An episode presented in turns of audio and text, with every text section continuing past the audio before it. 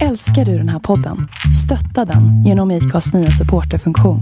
Det är helt upp till dig hur mycket du vill bidra med och det finns ingen bindningstid. Klicka på länken i poddbeskrivningen för att visa din uppskattning och stötta podden. I'm Sandra, and I'm just the professional your small business was looking for. But you didn't hire me because you didn't use LinkedIn jobs. LinkedIn has professionals you can't find anywhere else, including those who aren't actively looking for a new job but might be open to the perfect role, like me.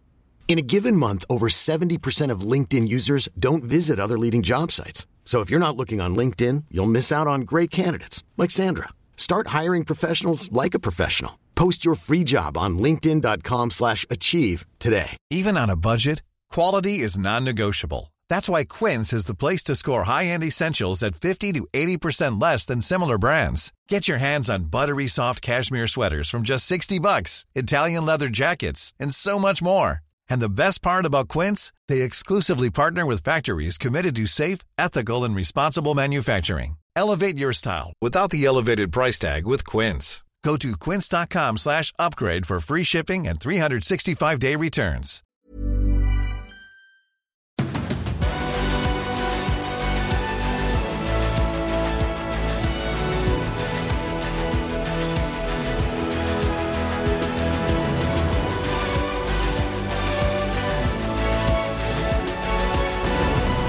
Hej! Varmt välkommen till ännu en MotoGP-podd med mig Tobias Lajon och med Andreas Mårtensson.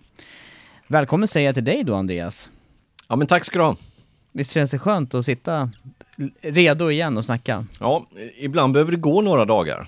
Ibland spelar vi in podd på måndagar, tisdagar, men efter ett race är det, det är lite svårt för alla alla, all, alla intryck har inte riktigt satt sig.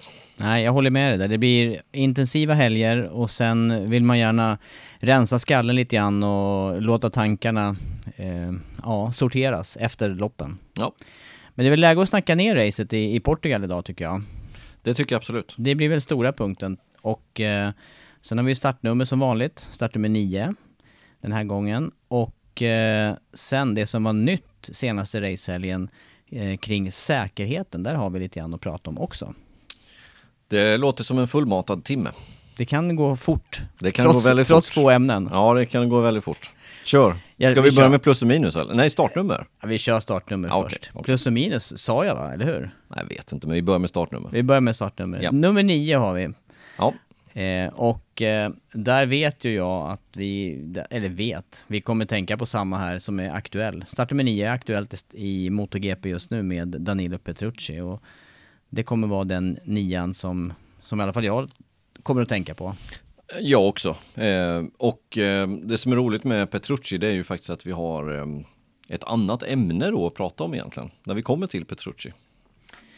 Ja, Petrucci är en av eh, få förare som har eh, en annorlunda väg in till eh, GP-racingen och det blir färre och färre sådana förare. Cal Crutchlow var en sån förare som kom från Supersport och Superbike. Och Petrucci jag vill minnas att hans karriär började med, ja, han kanske raceade när han var yngre men jag, jag minns att han kommer från crosssidan. Så att jag tror att han körde stockklasser som, som tidigast, eller det första på, på asfalt. Det är det som är intressant med Petrucci för att eh, om vi tar bort hans MotoGP-karriär som är ganska lång nu, sedan 2012 kom han in i MotoGP-klassen. Eh, två segrar i karriären, en förra året och en året innan det. Mugello, vem minns inte den? Nej, det var Vi häftigt. var på plats. Ja, det var häftigt. Häftig eh, att utmana Dovizioso och Marquez på det sättet och på den banan. Eh, Det, det är verkligen en, eh, en fjäder i hatten att ha en sån seger i karriären. Men det kanske också var början på slutet. Hos Ducati åtminstone. Ja, hos Ducati var det säkert så och det tycker jag är lite synd samtidigt för att eh, en sån förare, han, i det läget, han, han får inte så många chanser att vinna. Och han gjorde ju inget fel direkt i, i det racet. Han var Nej, lite nej. hård möjligtvis men... Han var hård var han. Ja, men han gjorde, Men det inga, måste man vara för att vinna. han gjorde inga misstag. Nej det gjorde han inte. Det var ett bra race av honom faktiskt. Riktigt starkt. Men jag tror, jag tror ändå att det var början till slutet. För efter det så var relationen med Dovizioso inte densamma. Han fick inte samma hjälp. Ehm, och han presterade heller ingenting efter det. Så att jag, jag tror det satte sig lite på, på skallen. Och de två hade ju en eh, historia av träning och coachning och framförallt var det väl Dovizioso som tog sig an Petrucci och jag, jag kan tänka mig också att man, eh, jag, jag, tror att det är lätt att trivas i, eh, i hans sällskap, i Petruccis sällskap. Absolut, eh, men även i Dovizioso, tills, tills du slår Dovizioso. Sen ja. var det inte lika roligt längre. Nej, kanske så. Det är väl så med alla, alla är kompisar med Rossi tills man slår Rossi, sen är man inte hans kompis längre. Nej. Nej men just Petrucci där med, eh, med eh, han, han, har en lite annan, tycker jag, attityd och inställning än, än många av de övriga förarna i MotoGP-depån som, som i alla fall tilltalar mig. Jag personligen eh, gillar honom i, i de tillfällen vi har träffat honom i arbets, eh, under arbetshelger om man säger. Verkligen. Synd bara att eh, hans KTM-karriär inte har börjat speciellt bra, bara tre poäng inkörda efter tre race. Eh, finns ju chans att vända runt det här, men eh, jag skulle gärna se att Petrucci högre upp, att han lyckas och utmana Binder och eh, Oliveira på KTM. Och, och eh, jag, jag, tror ändå att han har förutsättningar att kunna göra det, men ja, det, det är inte lätt heller att utmana fabriksteamet. Nej, det verkar inte så, så långt. Men ska vi ta lite av hans karriär då? Ja, berätta. För, för grejen med hela den här utläggningen är ju att vi tänkte vi skulle prata om hur man kommer in i MotoGP överhuvudtaget. Och om vi börjar med hur Petrucci kom in i MotoGP så tillhör han de få som bara har kört MotoGP. Som är i MotoGP. Jag tittade, tittade precis bara för att dubbelkolla. Ingen annan förare kör, som kör MotoGP idag har kört Eh, har inte kört någonting annat i GP-sammanhang, det vill säga 125, 250, motor 2 eller motor 3. Utan eh, han är ensam på den raden och, och, det är lite speciellt. Men han började köra Stock 1000 eh, som då gick eh, tillsammans med Superbike-VM. Han körde den 07, 08, 09, sen gick han över till att köra 1000 eh, som också körs tillsammans med Super, Superbike-VM och det var ganska bra klass på den på alltså den börja serien. med stock, du sa 1000 två gånger nu, börja med 600 eller? Stock 600 först, ja. ursäkta, ja. i tre år. Ja. Och sen stock 1000 i två säsonger. Och det var bra kvalitet både på förarna och på teamen. Det var ju oftast Superbike-team som drev de här stockteamen. Eh, och framförallt i 1000. Och slutade tvåa där 2011 i stock 1000. Och sen gick det över till MotoGP. Och då var det ju det här CRT-reglementet som han kom in under. Och kanske att det gjorde övergången eh lite lättare då, för då påminde jag åtminstone det var någonting som påminde om standard eller stockklasserna med motorerna där som inte var rena, det var inte rena GP-motorer i alla fall. Han hade ju tre år som gick ganska tufft, alltså 12, 13, 14 för det här Ioda Racing. Tuffa säsonger för hans del, eh, inga framskjutna placeringar. Eh, men sen efter det så blev han ju värvad till Pramac eh, och Ducati och sen körde han ju där i i fyra säsonger innan han sen blev värvad till fabriksteamet. Men en anledning till det var ju ändå att han var på rätt ställe för att visa upp sig. Han, ja. han eh, presterade efter förutsättningarna väl hela tiden. Det, var, det tror jag var någonting som ändå fick, eh, fick honom, eller fick eh, Pramac ska man säga då, och erbjuda en styrning i, i MotoGP. Säkert. Så ja, arbets, eh, på något vis arbetat sig in i den här klassen då. Man kan ju också vända på det här, eller vrida på det och titta bakåt när eh, särskilt då de amerikanska förarna, många kom ju direkt in i 500 på den tiden. Utan att gå vägen via de lägre klasserna. Så att det är ju nu på senare år det har blivit de här, den här stegen och där var väl mer eller mindre Miller den första som bröt den genom att hoppa från Moto 3 till MotoGP.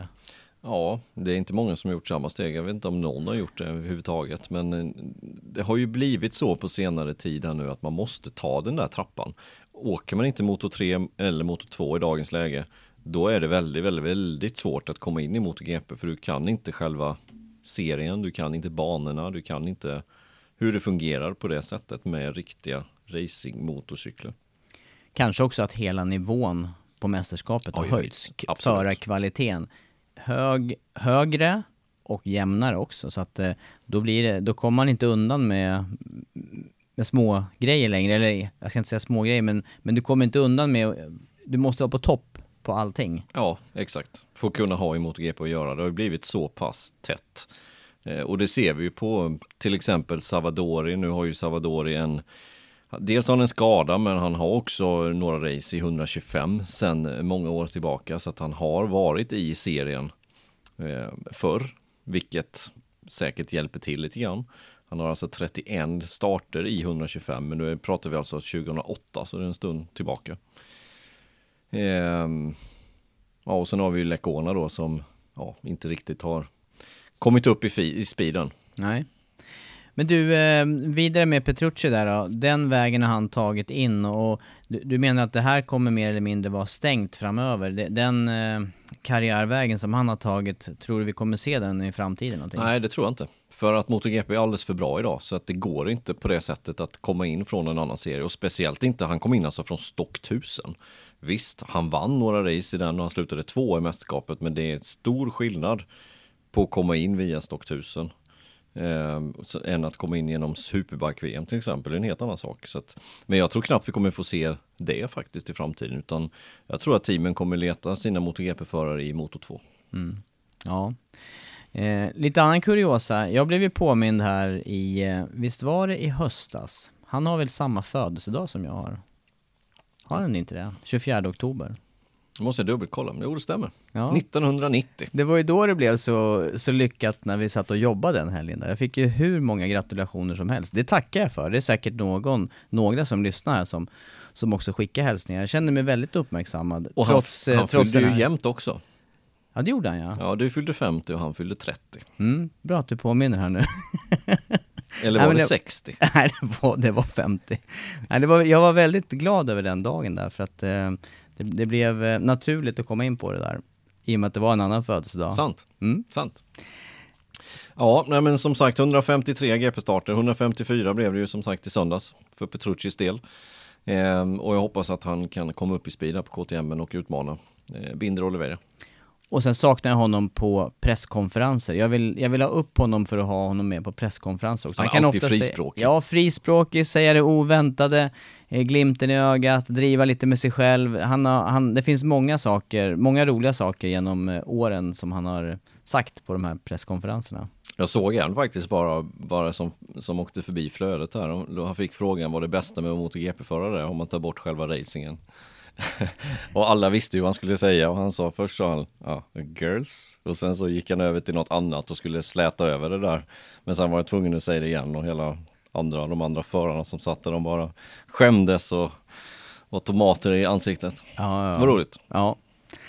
Ja, Daniele Petrucci alltså nummer nio. Jag har ingen annan Andreas, har du någon ytterligare du tänker Nej, jag på? har ingen annan heller. Jag tänker på honom. Ja. Eh, det finns säkert massor som har kört med nummer nio, men nu är det ju vilka vi tänker på. Jag tänker på Petrucci i det här läget. Då lämnar vi honom tycker jag, och lämnar den punkten i podden också. Ja, då tycker jag att vi studsar vidare till plus och minus. Vi hade en racehelg här senast i Portugal alltså. Portimao och eh, ny säsong, ny årstid att köra där på. Så att eh, det här blev ett race, eh, en helg där man inte kunde plocka med sig så mycket data från eh, det som skedde där i säsongsfinalen. nej, det blev, eh, blev lite annorlunda och sen blev det en annan däckstilldelning, eh, vilket också hade påverkan. Framförallt återigen KTM. Oliveira var inte speciellt eh, långt fram här eh, på grund av, mycket på grund av hans däckstilldelning. Så att ja, mycket ändrades, även fast det bara gått, vi har kört två race i Qatar sen senast. Mm. Men, så de senaste fyra racen, det är alltså två i Portugal och två i Qatar. Det är inte ofta man säger så. Nej. Och, och det är ingen, eh, i och med att det bara just har varit två i Portugal och att de här två i Qatar då låg efter ett antal dagars testning så blir de inte, de blir inte talande för resten av säsongen. Det är inte vad, det är inte vad vi tror i alla fall inför fortsättningen. Nej, det är det inte. Ehm, man måste komma ihåg det att vi har kört alltså i Qatar hur länge som helst. 10-11 dagar någonting sånt där. Eh, och sen har vi kört på en bana som de har kört på fyra dagar innan man kom dit. Så att självklart så kan man inte dra för stora växlar av det som har hänt mot vad som kommer att hända. För nu blir det ju nästa racehelg, då går vi in på en helt normal säsong igen. Då är det rätt årstid i Jerez. Eh, racen ligger i samma ordning som de alltid har gjort de senaste 10-15 åren. Då börjar det bli normalt. Och då kanske det utkristalliseras mer då vilka som är de, de starka över, eh, ja, över en, här kommer en liksom en, det kommer en viktig period under kalendern här. Ja det är det, för nu är det race varannan vecka hela vägen fram till midsommar egentligen. Sen blir det två race på varandra. Så att det är absolut så. Eh, och det kommer sätta sig på ett annat sätt. Sen kan man ändå dra vissa slutsatser om de första tre racen. Och det gör vi ju såklart. Men, men, ehm, Men vad hamnar på plussidan för dig då? Vad, säg, säg ett plus. nej, men eh, det går inte att blunda för Quattararo. Eh, jättestarkt, återigen. Att ta den här segern, andra raka segern, denna gången från pole position. Körde ju klockrent, jag var lite tveksam till hans däckval faktiskt. Kanske inte å andra sidan, jag, jag var lite tveksam till att han valde hårda. Eh, jag var mer frågande till varför de andra Yamaha-förarna valde det hårda bakdäcket. Jag tror inte att det var helt rätt, ärligt talat. Du vet om det är mycket bättre än vad jag vet, men Nej men förklaringen till det då, det, det, du kopplar det till kvalpositionen kanske? Eller? Och att Quattararo även testade med det hårda däcket innan? Ja, han körde ju på det i slutet av FP4 och var väldigt snabb på det. Eh, och sen eh, så körde han warm-upen på det och var väldigt snabb på det. Så att jag förstår att han gick på det hårda bakdäcket. Men han stod också i pole position. Men jag förstår inte riktigt varför de andra tre Yamaha-förarna, framförallt då Vinales, gick på det hårda bakdäcket. Eh, han hade inte testat det i princip på hela helgen. Han körde 30 varv på medium Och det gick bra? och det gick bra. Så att ja, eh, men vi kommer till honom säkerligen här under plus och minus, gissar jag på. Ja. Men Quattararo, riktigt starkt, han gamlade. Han tappade inte så mycket i starten, han kunde köra upp sig därifrån, jag tror han var femma som sämst. Och sen var han överlägsen. Men det som också imponerade på mig i det här var ju också att han var under press eh, bra tag under racet. Alex Rins eh, och Quartararo där, de eh, jagade ju och pressade varandra till eh, nya racerekordtider, varv efter varv efter varv och ja, det var, det, där var det högt tempo ett tag. Ja, fördelen som Quattararo hade var ju att han var så grymt snabb i sektor 4. Det är ju en fördel att vara grymt snabb i en sektor och ha det fördelen. För att sen behövde han inte köra, han körde ju på hörntänderna men Rins gjorde ju det ännu mer resterande varvet vilket inte höll hela vägen då. Så att, starkt race eh, och när, när väl Rins kraschade så var det ju saken färdig då med 4,5 sekund lucka eller någonting sånt där. Ja, det blev ju det. Och det var imponerande just den här eh, sista sektorn att se och fascinerande att se hur eh, olika spårval de här två förarna hade det, fast, hade genom det partiet fast de båda åker radfyror. Ja, Så man i alla fall utifrån tror att de ska vara någorlunda lika i uppförande. skiljer, lite ändå. Ja, det verkar så. Men, nej, men jättestark inledning, numelerar mästerskapet. Ehm, två raka segrar som jag sa, start från pole. Känns mer ehm, lugn i år än förra året. Tycker han känns mer mogen.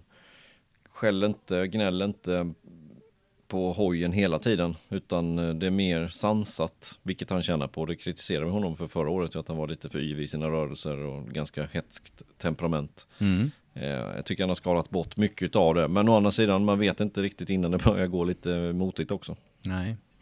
Men du, vi, sk- ska vi gå över på en minuspost här då? Eftersom du halvt om halvt nämner det. För jag tror vi tänker på samma här med startnummer 12, Maverick Vinales. Eh, ja, Va, vad händer där egentligen? Nej, jag trodde verkligen att efter premiären att han hade vänt det här på något sätt till hans fördel. Så som han körde i premiären, han vann racet.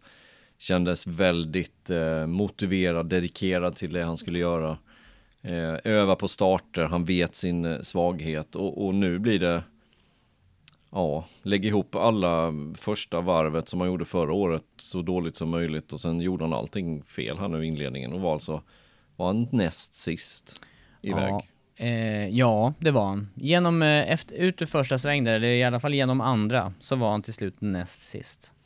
Och till att börja med, visst han har problem med starterna. Jag, jag begriper inte riktigt varför han har sådana här stora problem. Man måste ju få ordning på det självklart. Eh, sen körde han ändå helt okej okay, tycker jag, resten av racet. Han gjorde vad han kunde därifrån. Det går inte att göra så mycket mer än så när man ligger näst sist efter en sväng. Då, då blir det svårt att köra upp sig självklart. Men tiderna då, eller rättare sagt eh, differensen fram till eh, Quartararo i mål, nästan 24 sekunder. Ja, han, han får ju stryk. Eh, Nakagami startade ju sist till exempel. Efter att inte kört ut ens på kvalet och var halvskadad. Bastianini, rookie, gör sitt tredje race, får stryk. Ehm, han får stryk av honom också, så att ja. Det är väl de då. De andra är väl bra att han slår kanske, men, men eh, nej, det, det är ju inte, det är inte godkänt. Så enkelt är det ju. nej. Det, det måste ju upp en nivå, speciellt då när hans teamkompis vinner. Det här gör ju också att han tappar massa mark eh, poängmässigt. Det är 20 poäng då som skiljer till Quartararo i sammandraget. Ja. Och då låg de på samma poäng innan, eh, Exakt. innan helgen. Ja, det är ju så. Tar han bara fem poäng så Quattararo tar 25 så blir det 20 poäng och det, nej, men det är ju inte bra och det är ju det är ju tråkigt för hans del.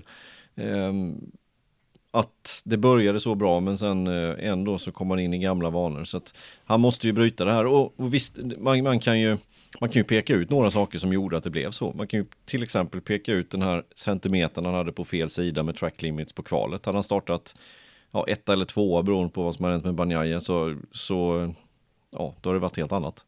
Faktiskt. Helt annat. Eh, och då vet vi inte vad som hade hänt. Sen undrar jag återigen, vi pratade om däcken, varför han valde eh, det hårda bakdäcket. Ja. Nej men med ett eh, mjukare bakdäck där inledningsvis borde, borde vara lättare att göra någonting positionsmässigt och, och eh, ta sig upp i startfältet.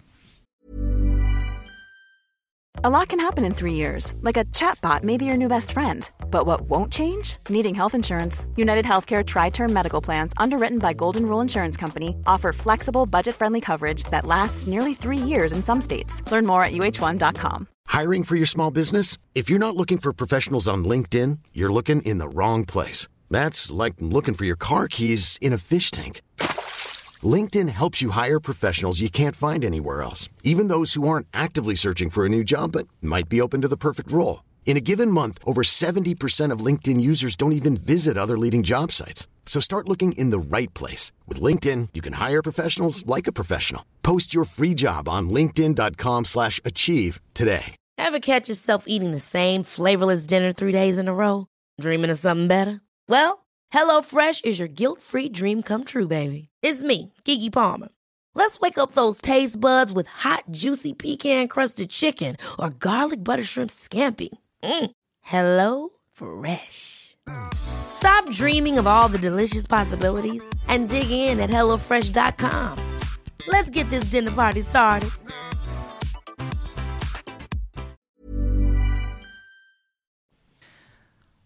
Ja, Vinales har en del att eh, fundera över och teamet också då, men eh, vi, får, vi får ta det här med eh, eh, nyheter och säkerhet på banan där, apropå track limit eh, längre fram här i podden. Plussidan, där tycker jag att vi måste nämna Mark Marquez också. Mark Marquez som eh, gjorde comeback äntligen efter sin långa skada och han höll hela racet. Han hade ju lika gärna kunnat bryta efter halva distansen. Ja, men det ligger inte i Mark Marquez natur att göra det. Inte, inte på grund av det där, utan han bet ihop och eh, vi såg vad han tagen han var. Eh, och jag tycker det var det, på något sätt befriande att se en, en eh, sexfaldig MotoGP-världsmästare nästan bryta ihop av glädje egentligen att han har tagit sig i mål. För man måste komma ihåg det här, han, han är människa han också. Han har lagt ner, alltså jag vågar inte ens tänka på hur mycket tid på rehab han har lagt ner. Jag vågar knappt tänka på hur många timmar han har varit på sjukhus. Efter sin tredje operation i december, då var han alltså på sjukhus i över en vecka. Alltså, vara på sjukhus är inte speciellt roligt. Och inte en vecka i sträck. Nej, det är inte roligt. Jag har varit, mitt rekord är en månad i sträck. Det var en evighet, men eh, det var en annan historia. Men just det här att eh, jobba sig tillbaka och jag tror även att eh, nog måste han ha tvekat eh, om hur eller om han ens ska komma tillbaka periodvis. Ja, eh, om han kan tror jag. Jag tror inte det har varit liksom om han vill. Det tror jag inte. Men jag tror tanken har kommit om han kan överhuvudtaget. Om, Ja, om armen där. kommer bli bra eller inte. Eh, utåt sett så har det ju aldrig riktigt låtit så. Och det tror jag inte heller har varit någon fara vad det är man har hört. Att det, det har varit ganska... Men, men det är klart när man har sjukt ont i armen och det aldrig läker. Och det går månader efter månader efter månader. Och ingenting händer. Och, och sen så får man såga upp benet på nytt. Ja det är klart att någon gång så börjar man ju tveka. Så är det. Ehm, och det, det märks att det, det har varit en väldigt, väldigt tuff period. Eh, självklart. Nio månader för hans del är ju en evighet. Men sen då lite rostig eh, gällande det här med eh, avståndsbedömning, hastighet, lite småmissar här och där. Men han var ändå med eh, bra inledningsvis i racet. Han, han gjorde en bra start, tog placeringar och framförallt gjorde han ju ett bra kval också. Jo men han visar ju att han är Han är ett unikum när det gäller det här. Han, han visar ju det. Han, han, jag vet inte ens om man kan bedöma hur, vilken nivå han körde på i helgen men hans högsta nivå är ju, den är ju grymt hög, det vet vi ju sedan innan. Så att, att han presterar så här, ja det är både förvånande och inte förvånande. Jag vill inte säga egentligen om det är det eller inte, utan det var en riktigt bra öppning. Han är 13 sekunder efter i mål. Han har tagit sina första poäng sedan november 2019. Eh, och han har fått ett race i kroppen. Nu sa han själv efteråt där att det blir i princip ingen motorcykelåkning. Eh, utan han behöver rehabba egentligen och få upp lite mer styrka i armen. Han ska köra nästa helg i Jerez. Och sen är det en ny läkarundersökning för att se så att det verkligen har läkt i, alltså benet och i armen, att det har läkt upp skelettskadan. Eh, men jag väntar ju fortfarande på att han ska komma i form. Han är en poäng före sin bror Alex Marquez. 14 plats i sammandraget. Nio poäng blev det för eh, sjunde platsen där ju. Ja. Mm, på ett race. Och Quattararo har? Ja, Quartararo har eh, 61. Minus 9. 52 kvar då. Två segrar. Och ett par nollor för eh, Quartararo. Ja, det, bör, det börjar ju bli många poäng redan. Ja, ja, det är det ju. Det är ju så. Han har ju haft en stark inledning, Quartararo, det kan man ju inte säga annat. Nej, och sen kommer han ju till, dessutom till en bana där han vann dubbelt förra året. Jag tror självförtroendet, liksom, det är ju rätt högt Mm, när han är kommer dit. Säkert. Ja, nej men, ja, men plussidan, plussidan på, på Marcus där. Men en förare som, eh, som jag tycker vi måste lyfta på, på andra sidan här, eh, det är eh, Jack Miller. Som går omkull i racet. Startnummer 43 alltså. Eh, två niondeplatser i Qatar och sen vurpa och den var ju i mina ögon rätt, såg rätt oprovocerad ut. Han var inte i något läge där han eh, ska göra det misstaget. Nej, han sa själv att det var ett silly mistake. Ehm, och misstaget skedde precis när framdäcket egentligen har nått sin peak i däcktemperatur. Ehm, och på något sätt måste man ge däcket då några varv för att det ska liksom plana ut och hålla sig där. Då blir det oftast lite bättre fäste. Och det var det han sa själv att, att just i det här varvet eller de här, kring de här varven då är, då är framdäcket som mest påverkat. Han låg bakom i trafik dessutom och så går han omkull. Och han tog på sig det själv, sa att det var helt enkelt ett, ett klantigt misstag. Och ja, det är återigen, vi, vi sa det redan första dagen i Qatar, alltså han började med en krasch där FP2. Eh, sånt där, eller FP1 var det väl, sånt, sånt där kan eh, sätta sig. Och han har inte kommit tillbaka ordentligt ifrån det. Han har ju inte det. Trots fart på tester, trots eh, fart på träningar och kval i Qatar. Eh, och sen de här misstagen där. Det är ju, han, hans resultat är ju långt ifrån det som Banjaya presterar till exempel. Eller Sarko. Eller Sarko ja. Också på Ducati. Ja. Nej, så att, eh, nej, han, är, han är under press nu. Han är riktigt under press. Han hade ju lite tur Miller att Sarko faktiskt gick omkull. Resultatmässigt. Ja, visst. Ja, ja, ja. Annars hade det kunnat sett nattsvart ut. Han har varit tredje Ducati här. Och den fjärde då skadad. Att, Ja, eh, exakt. Mm. Martin. Ja, Så vi tar det med Martin förresten. Han Ja, opereras ju idag. jag gör det. Opereras idag och eh, kommer bli ersatt nästa racehelg. Inte förvånande med tanke på de skadorna. Han har ju båda armarna i gipsvagg, jag tänkte säga, men gips. Ehm, och ehm, ersätts av Esteve Tito Rabat. Det blir ju intressant. Det blir jätteintressant. Det är liksom, han blir spolad från MotoGP, sitter på den sämsta cykeln, spolad ut, kör Superbike-VM och nu får han komma in och sitta på en, ja, en, en fabrikare egentligen. Ja. Senaste materialet. Ja, det han blir har- jätteintressant. Ja, det blir på. intressant. Och han har ju en VM-titel dessutom, Ja, sen tidigare. han, han är inte dålig, men han riktig- satt på riktigt dåligt material hittills under karriären. Så att det här blir jätteintressant tycker jag att följa nästa helg. Och han har kört Ducati, han körde Ducati senast förra året. Det är inte så att de andra är milsvid före. Ehm, teamkamrat med Sarko. Ja, så var det ju. Mm. Mm. Det är återigen nu då. Mm. Fast ett hack uppåt. Så att, ja. Ja. det, där kommer bli jättespännande att följa. Jag, jag tror han kan överraska positivt alltså. Riktigt positivt. Sa de någonting om eh, läketider och bortovaro för Martins del där? Nej, inte vad jag har läst. Eh, operation idag som sagt. Och det, jag tror detta är andra operationen. Jag tror det opererades tid, tidigare också här under veckan. Så att, nej, det var inget bra. Nej, det var otäck krasch för Martins del. Ja, då har vi pratat eh, Quartararo och Marquez på plussidan, Miller och Vinales på minussidan. En eh, ytterligare plus då? Men då tycker jag Suzuki. Ja, det var ju, ja, absolut. Eh, Mir slutar trea och Rins kraschar, men Rins eh, hade ju fart för både pall och, och kanske seger också. Jag vet inte om det hade räckt hela vägen, men han hade åtminstone fart för pallen. Ja, det hade han verkligen. Men, men det som jag tycker är kul att se, det är farten. Det jag tycker är mindre kul att se, det var att han, han, han visade ingen smartness riktigt, Rins, tycker jag. Eh, jag vet att han vill åt segern, han ville sätta press ordentligt på Quattararo. Men utifrån när man ser om racet en gång till så tycker jag att han hade inte speeden riktigt. Eh, han satte varvrekordvarv, han förbättrade tiondel och sen tog han en tiondel till och sen någon hundradel och sen någon till. Det innebär att då blir man ju snabbare, snabbare, snabbare, snabbare. Då kör man ju på sitt absoluta max. Det är en annan sak om man sätter sin snabbaste varvtid först på varv två kanske och sen så backar tempot av lite grann. Då är det inte säkert att man kör på sitt max. Men här körde han verkligen på sitt max. Och ändå så var ju luckan till Quattararo tillräckligt stor. Han borde tagit de här 20 poängen ner i fickan och gått vidare. Det där är, så kör inte en mästare så som Rins gjorde.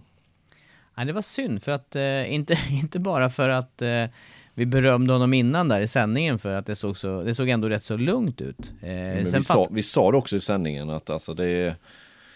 Sen fattar vi att de pushade. För men, mycket. Ja, men just det här att, eh, att det blir, ja, det, det, är tuffa poäng att köra ikapp på annat sätt. När han, som du säger, han hade haft dem där lätt i fickan annars. De hade ju lucka redan där innan. Ja. Nej, det är, det är 20 poäng som kan bli väldigt, väldigt värdefulla. Ehm, skulle kunnat varit väldigt värdefulla för honom i slutet på säsongen. Nu tog han inte den chansen och det kommer han grämas för. Ja, Mir då slutat trea i racet, kör upp sig från nionde och det jag var imponerad av var ju att båda, nu var ju särskilt Rins vass på kvalet. Eh, Mir startade nia, men de gjorde bra inledningar på loppet, båda två. Och, och var fort uppe i täten, det har vi inte sett så ofta. Nej, det har vi inte gjort. Eh, och det är därför jag lyfter dem som ett plus där. Att de gjorde bra kval båda två, de var med i bra racet direkt. Eh, Rin som är super, super bra, riktigt bra varvtider. Mir kom på slutet, tappade lite, men nej, det var, det var en stark helg ändå av Suzuki. Om man jämför med hur det gick förra året när de var noll och ingenstans. Mm. Ja, vi får eh, återkomma till, eh, till regerande världsmästare Mir då framförallt som, eh, som klev iväg lite poängmässigt där jämfört med eh, Rins. Då, Mir 38 poäng, Rins 23 nu efter de eh, tre inledande tävlingarna. Yep. Minussidan, sista minus. Eh, klart, jag i alla fall hade förhoppningar på Miguel Oliveira som vann racet förra året. Eh, gick inte så bra den här säsongen och eh, han kraschade dessutom ur racet. Han gjorde det. Eh, nej, det är, det är ett klart minus för Oliveira med tanke på de eh, eh förväntningarna som han hade på sig. Eh, körde ju ja, grymt bra förra året. Men den här säsongen eller det här racet, jag tycker han var ingenstans på hela helgen egentligen. Och återigen så det där framdäcket som som inte riktigt lirade för dem. Ehm, men det är någonting som de måste komma åt tidigt här nu KTM. För så här kan ju inte fortsätta. De kan ju inte skylla på att däcksfördelningen fram är för dålig hela säsongen. Det håller ju inte. De måste göra någonting åt det. Ehm, så att nej, det är, det är lite tråkigt. Och sen att han pushar för hårt och går omkull dessutom. Det är ju heller inte bra. 10 i kvalet är väl ändå okej okay då, men eh, som sagt var gå omkull där. Det här handlar ju om, eh, som jag förstod eh, känslan Dels så pratar de ju redan i Qatar om att det inte var tillräckligt eh, hårt framdäck, alltså ja. stabilitet då. Men dessutom eh, ett asymmetriskt framdäck eh, med, med, den hårdhet de ville åt. Och då, då var det, in, det var ingen skön känsla där mellan, eh, mellan sidorna, mellan gummiblandningarna tydligen. Gav Nej. inte rätt återkoppling. Nej. var i alla fall officiella förklaringen. Jag fattar. Ehm, det är klart att det är stor skillnad på vilket däck det är, men de måste komma över det och ehm, fixa till hojen i så fall så att det funkar bättre. Och det är ingen lätt sak, det kan innebära stora förändringar.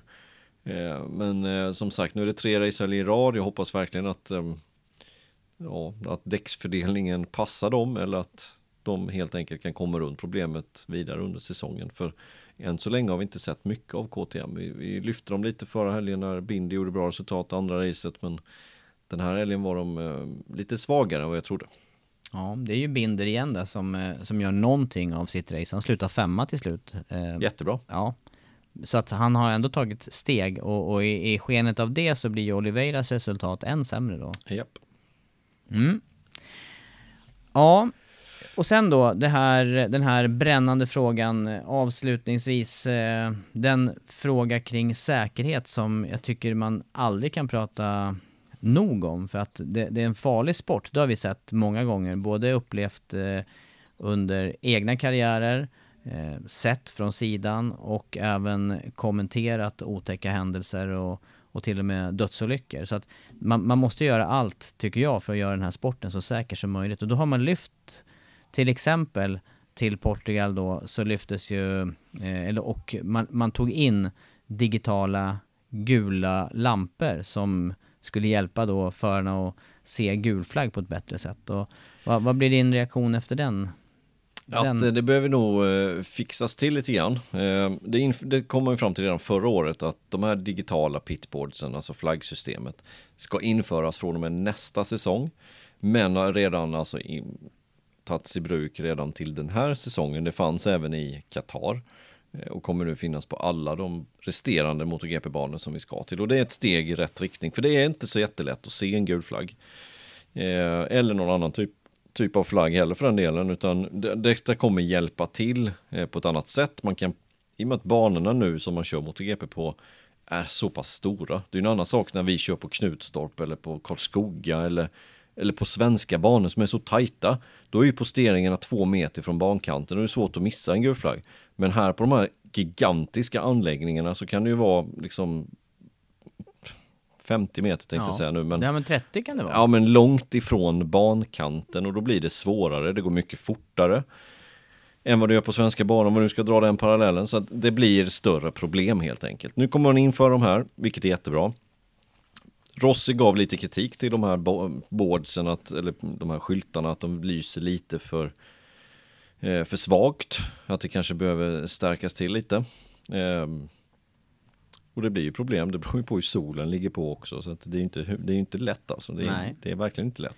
Nej, och sen, och sen kommer ju till det här med placering också på posteringar eller på då om man ska lägga till det digitala hjälpmedlet eller de här eh, lamporna då Eh, då kan man ju då tycker jag ju utifrån där att vi hade ju eh, nämligen på kvalet eh, varv som blev strukna. Det var ju Banjaya som fick sitt snabbaste varv struket.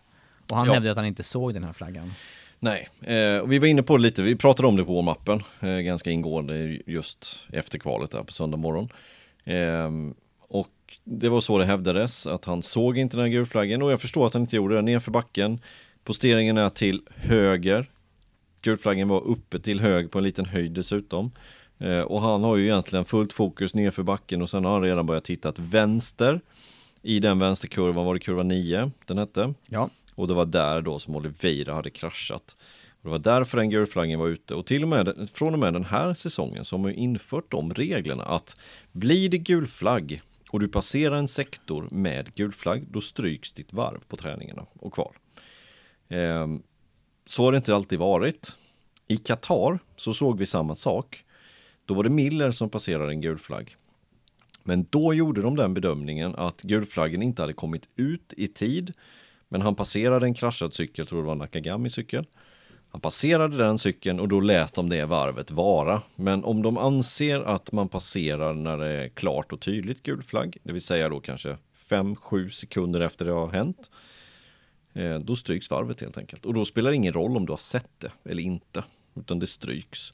Och det är ju givetvis då för att komma undan, alltså problemet med att folk laddar fullt och att du själv går omkull. Att förarna går omkull när det redan är funktionärer, förare, cyklar i samfällan. Och det har ju hänt också i, tittar vi tillbaka så har det ju hänt eh, Silverstone är det som poppar upp närmast i, i min, eh, mitt huvud då, om det var var det Marcus som gick omkull då och Crutchlow som låg i sandfållan redan? Ja exakt. Jag tror det var hans debutsäsong Marcus 2013 alltså. Eh, och det har ju hänt några gånger förr. Hände det inte på Jerez förra året? I de här snabbhögersvängarna på baksidan. Omöjligt För mig att det var någon cykel som låg där och så gick en annan cykel omkull också. Så att det händer och det är farligt och det måste man försöka få bort helt enkelt. Eh, och det försöker man med då genom att man stryker varvet så det finns ingen anledning för föraren att ladda. Men problemet är ju att han inte såg den. Åtminstone det säger han ju att han inte såg den och vi får väl gå på att han inte gjorde det. Och, och där är ju ett problem. Ja, då måste man ju se över, eh, och och det är ju egentligen bara förarna på banan som, som kan ha synpunkter eller som vet exakt var de borde sitta.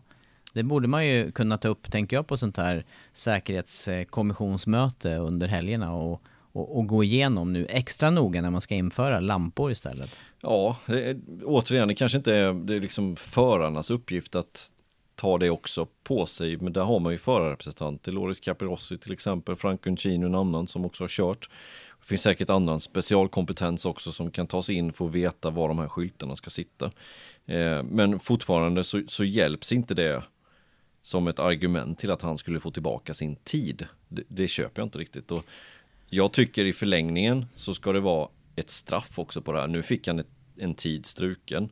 Men han utsatte ju dem i Sandfållan för exakt samma risk ändå. För han laddade ju fullt. Om man nu inte såg den eller struntade i det, det spelar ingen roll. Han utsatte dem för en risk. Eh, och det måste vara på något sätt att när det blir gul flagg, då ska det tydligt indikeras med de här. Du ska slå av Åtminstone om du är på ett snabbt varv. varv. Är du på ute och testar race pace till exempel, men då ska du köra på ett säkert sätt bara och då behöver man oftast inte slå av speciellt mycket. Men du får inte behålla den tiden och det är väl okej okay då. Ja. Och sen tycker jag även man ska använda den dashen som man har på cykeln. ska bara blinka gult i hela dashen. Ja, och då får man ju, som du säger, då, då kanske man får den oavsett var man är på banan. Ja. I och med att ändå de varven stryks. Nej, men, men det, det... det måste ju gå in för att man har Alltså om man är på helt andra sidan banan så kanske man inte vill ha hela, hela dashen som blinkar gult. Då kan man ha någonting som man vet att ja, men då, då är det gult flagg på banan. Någon som är in, på men väg in i den sektorn. Är man i den sektorn mm. då ska ju hela cykeln blinka gult. Ja, faktiskt. Ja, var, varför? Nej. Tekniken finns ju. Ja, nej det, det, det vore, och, och det, en sak till, man är ju faktiskt en far, det är farligare för en själv också om du går omkull och så ja, ligger ja, ja. det en cykel där redan i sandfållan. Ja. Så att eh, det och, finns ju... Och, och detta är ju alltså en ny regel nu som infördes från och med den här. Innan har det varit lite sådär. Du har ändå kunnat sätta snabbaste varv, även fast det varit gul flagg förr. Vilket är väldigt konstigt. Tittar vi på Formel 1 till exempel så, så är det gul flagg, då är det bara slavdräkt. Vilket är frustrerande och det kommer det kommer att bli så att du kommer behöva slå av. Ditt varv kommer bli struket i vilket fall. Jag tycker att det ska vara ett straff också, för det är inget straff idag att din varvtid blir struken. Kör man som Banjaya gjorde där, du kan jag tycka att den här gången okej okay då, innan man verkligen har infört systemet, fått det i ruljans. Eh, men det ska ju vara ett straff på det också, för han utsatte ju fortfarande dem för någonting i fara. Även fast hans tid blir struken. Eh, så att det där måste de kolla över ordentligt. Ja, det är steg i rätt riktning men jag, jag håller med dig Andreas. Det saknas, eh, det saknas steg. Alltså det finns fortfarande saker att göra, utveckla det här. Ja, och, och sen visst han såg det inte men det är ändå föraren som är skyldig att veta var posteringen är någonstans och flaggpersonalen är. Det är därför de visar den gröna flaggan. Första varvet åker ur depån. Då är det en grön flagga som visar var någonstans flaggposterna är. Då är det din skyldighet som förare att veta att de är där. Eh, sen förstår jag att man har fullt fokus, de är på sitt absolut snabbaste varvet.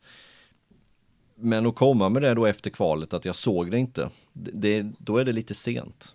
Det skulle han i så fall påpekat på fredagen, att jag ser inte den här flaggpositionen för att den är så och si och så. Men det gjorde han inte. Och då Nej, tycker jag bättre, att han får stå sitt kast. Ja, och bättre att strama åt reglerna i, ju förr desto bättre här innan det händer någonting på, på Och jag tycker det ska stramas åt ännu mer som sagt. Mm. Det ska bli, det ska, det ska vara, gör man som Banjaya gjorde, denna gången okej. Okay. Eh, men gör man som han gjorde, då ska det också vara en bestraffning. Kanske tre platser nedflyttning eller något liknande. För det, det, ska inte vara okej att göra på det sättet. Ja, ytterligare då. För det så, ja, det så tappar han ju på sitt varv där, som du, ja. han för starta 11. Då hade man kunnat peta ner honom ytterligare ett startled då. Det tycker jag. Mm. Ja. Det tycker jag är rimligt i framtiden, när man har fått skyltarna på rätt ställe. Eh, och när, det, när, när, systemen fungerar. Nu är det lite inkörning, man måste, man måste ha det i beräkning också. Det betyder inte att jag tycker att hans tid skulle kommit åter. Men eh, det betyder att det, det var helt okej okay den här gången. Men när det väl fungerar sen, då måste det till något mer.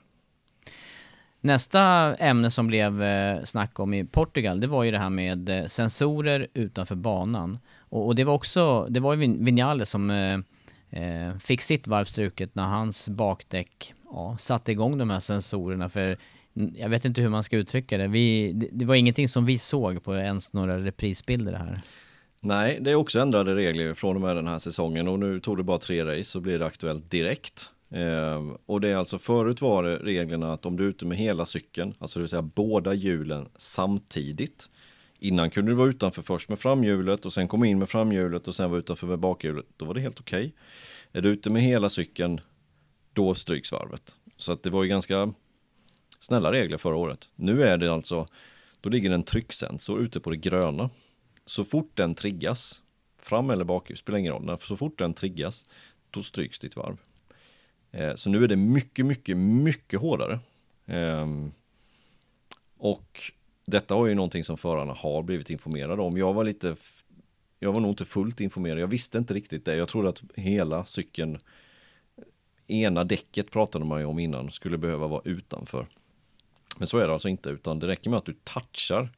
Och det var ju precis vad han gjorde. Det var ju som vi sa i sändning där, att han hade haft lite högre lufttryck så hade det varit lite mer spetsigt bakdäck och då har det inte tagit i. Men det funkar inte på det här sättet såklart, men, men, eh, men det var på marginalen. Eller utformningen utav curbsen då, att Exakt. man, eh, Vilken nivån. det. Ja. Ja, ja, ja. Det, ha- hade det här varit en nivå som var 4 cm under curbsen, eller om det är 2 cm under, det spelar ju jättestor roll om du triggar den eller inte. Så att jag kan nog tycka att man kanske, så här efter att ha sett Vinales, att man borde ha lite marginal. Man kanske borde lämna, kanske man redan har, jag, har- jag, jag har försökt hitta de här reglerna. Hur och var placeras den här trycksensorn? För det måste ju givetvis finnas en ritning på det här. Vilken höjd ifrån kurbsen, hur kurbsen ska vara utformad finns ju redan en ritning på. Då måste det också finnas en ritning på hur långt ifrån den ska ligga, vilken höjd den ska ha och så vidare. Och så vidare. Och jag har inte hittat den informationen. Men där kanske man borde flytta ut den här trycksensorn så du har kanske 3, 4, 5 centimeter. Sen kommer trycksensorn. Då blir det ändå lite spelrum i det där. Det är marginal, Ja. för nu, nu var han ju liksom med, med sju åttondelar av däcket var ju på kurbsen. Ja, ja jag, jag, var, jag blev förvånad och han var förvånad och sned och sen så, som vi var inne på här, Vinales hamnade på minussidan och det här var ju på något vis början på fallet Ja, ja. vidare. Ja, alltså det var ju, om vi nu antar att Banjayas tid hade blivit struken i, även där, det blev den ju, då hade ju Vinales stått i pole. Så att det är klart att etta eller tolva är en ganska stor skillnad. Så att Ja. det, det, det, blev ju, det blev ju fel och sen har det faktiskt hänt lite grejer efter det också. Han har fått hård kritik Vinales på sociala medier så han till och med raderat sitt Twitterkonto. Så nu är det en stor diskussion om det här i, MotoGP-världen med, med sociala medier, att det är alldeles för mycket hat till förarna.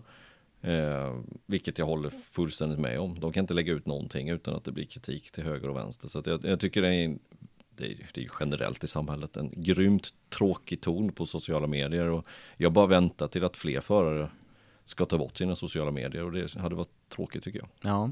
Vad gällde kritiken i det här fallet då? Nej men det, var, det kom upp ett falskt rykte att han var så sur att han skulle hoppa av MotoGP. Vilket inte stämmer. Eh, och då var det folk som svarade på det helt enkelt. Att han skulle hoppa av, att han aldrig kommer bli världsmästare och massa ja, okvädigheter. Ja, ja, ja. polarisering och, och eh, som Det du är säger. sociala är medier lätt, bra på. Lättare att skriva än att säga i ansikte till an, ansikte mot ansikte.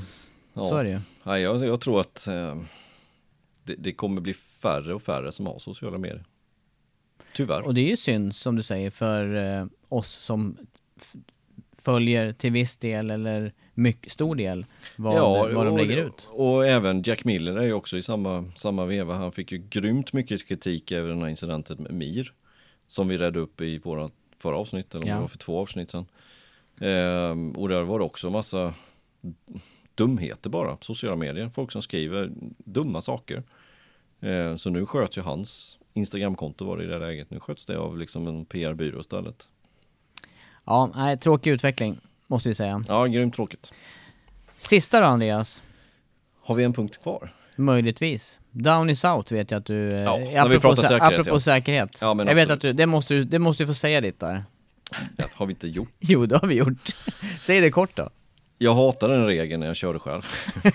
jag vet. Har... Nej men down is out är ju helt enkelt, om du kraschar så får du inte resa upp cykeln. Utan då är du ute.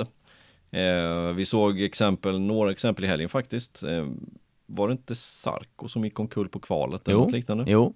Liksom han gjorde förra året också. Ja, Tog sig tillbaka till depån där med, eh, fick igång cykeln Just även det. i år. just det. Förra året med, eh, ja, han visste ju att det inte var oljespill i alla fall. Ja, ja. Men- ja exakt, han visste det. Eh, ja, precis.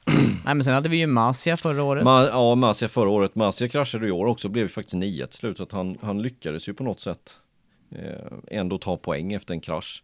Så att det är väl bra då. Men det är, det är så pass sällan som en förare tar poäng och har någon nytta av att resa upp cykeln. Så jag tycker att när man har kraschat, då är det ej ut på banan igen. Då är det den andra slingan runt. Punkt slut. Och kraschar under race, då får du inte lyfta upp cykeln. För det är som sagt, det är Det blir- det- 95 fall av 100 så tar man inte poäng ändå. Nej. Så det spelar ingen roll. Eh, sen finns det de fallen man kan göra, det kan avgöra VM i slutändan. Det var en halv poäng med Biaggi och det ena med det tredje. Men det är för farligt tycker jag att fortsätta ha det som det har. Ja, det kan ju vara dels skador på dig själv, men även motorcykeln och, Och olja. olja. Det är ju det som är grejen. Bromsar också. Ja, exakt, bromsar. Det har hänt Sam Lowe's kraschade någon gång på Red Bull Ring och sen tog han upp det och sen kraschade han en gång till på grund av att styret gick av när han bromsade nästa gång. Ja. Eh, Ja, jag har sett Le Mans- Passini någon gång på Estoril för massa år sedan. Något liknande. Le Mans, eh, Moto 3, Ja, ja, ja. Strike. 2017. Strike. Strike. strike, strike, Det var åtta ojar liksom den varvet. Det var två banor på bowlingen. Nej, jag tycker det. Och det är bättre att göra det så fort som möjligt. Nu har man gått ett steg med gul flagg, omkörning eller med, med snabbaste varvet. Jag tycker man ska gå på det här också för att få det säkrare. Man ska inte ta den här regeln i alla fall, där, där, det, där så länge man höll i styret var det också Nej, ett tag. Det är ju livsfarligt. Ja, då håller ju alla styret. Ja, Åker man med hojen runt så. ja. Nej. Down is out. Då är vi out också från eh, Det blir en dagens kortare podd. podd än vanlig idag då. Idag. Hoppas det var något tempo i den då för dig som lyssnar. Vi ses nästa vecka och då är det uppsnack inför Jerez, Spaniens GP, första andra maj. Ha det fint. Tack för idag.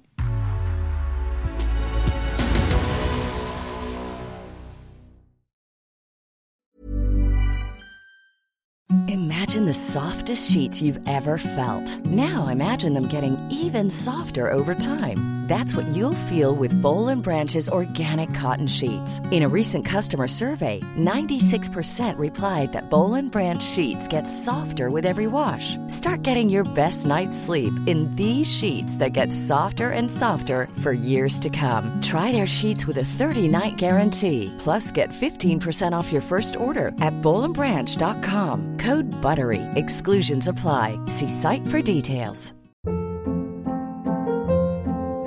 Hold up. What was that? Boring. No flavor. That was as bad as those leftovers you ate all week. Kiki Palmer here, and it's time to say hello to something fresh and guilt-free. Hello Fresh. Jazz up dinner with pecan-crusted chicken or garlic butter shrimp scampi. Now that's music to my mouth. Hello Fresh. Let's get this dinner party started. Discover all the delicious possibilities at hellofresh.com.